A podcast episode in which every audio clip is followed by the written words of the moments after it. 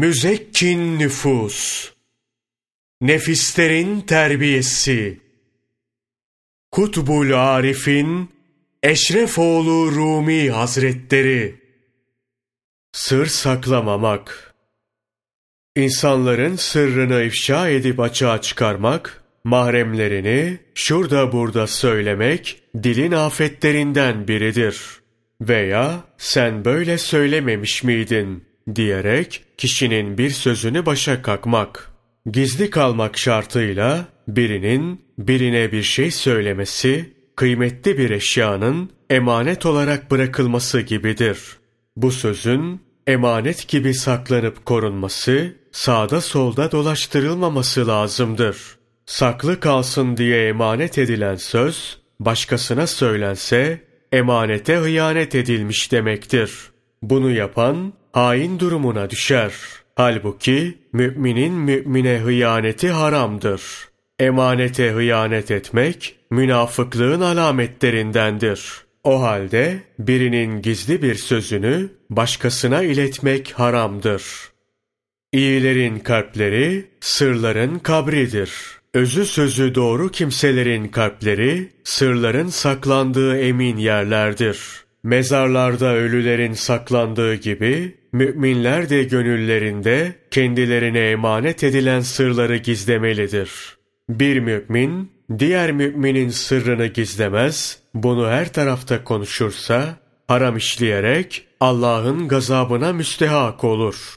Dikkat et! Sana verilen sırrı söylendiği yerde unutmalısın. Hatta sırrı söyleyen kişiye bile bundan bahsetmek doğru değildir. Bu manada yukarıda bir hadisi şerif gelmişti. Bunu hatırlamakta fayda vardır. Müminlerin sırlarını canları pahasına açıklamayan erenler nefsi emmareden kurtulmuşlardır. Bunlar cehennemden kurtulup Cennette sevgilinin karşısında hayranlıkla duracaklar. Resulullah sallallahu aleyhi ve sellem kendilerine ahrarlar, azad olup hürlüğe kavuşanlar demiştir.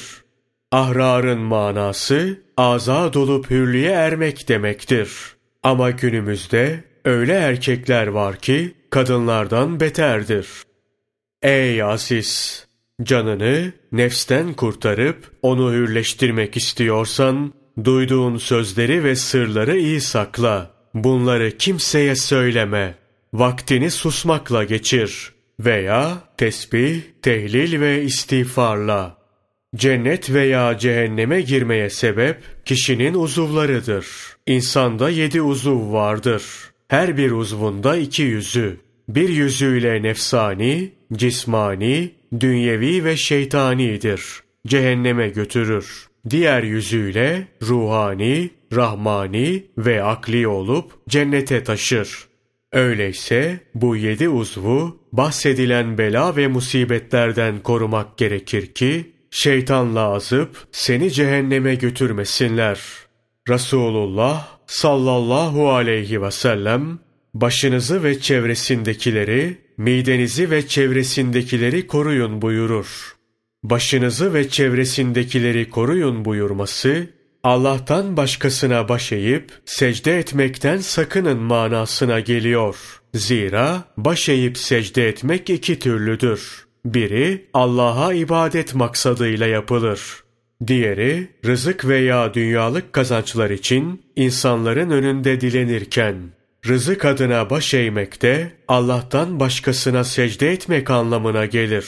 Hem rızkımı yiyip içersin, hem başkasının önünde eğilirsin. Sözünde buna işaret vardır. Bir de nefsin hoşlandığı batıl ve boş şeylere baş koymak vardır ki bu haramdır.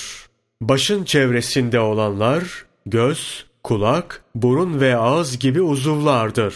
Midenin çevresinde olanlarsa el, ayak ve neslin üremesine yarayan organlardır. Peygamber Efendimiz sallallahu aleyhi ve sellem bu yedi uzvun korunmasına emir buyurmaktadır. Yedi uzvun her biri için yapılması zor ameller vardır. Bunları yapmak yiğitlik gerektirir. Her neyse biz birinin sırrını ifşa etmemekten bahsediyorduk. Müminin sırrını düşmana söylemek haramdır. Gerçi şimdilerde haramdan sakınan kişi az bulunur. Bu sebeple herkes sırrını kendisi saklamalıdır.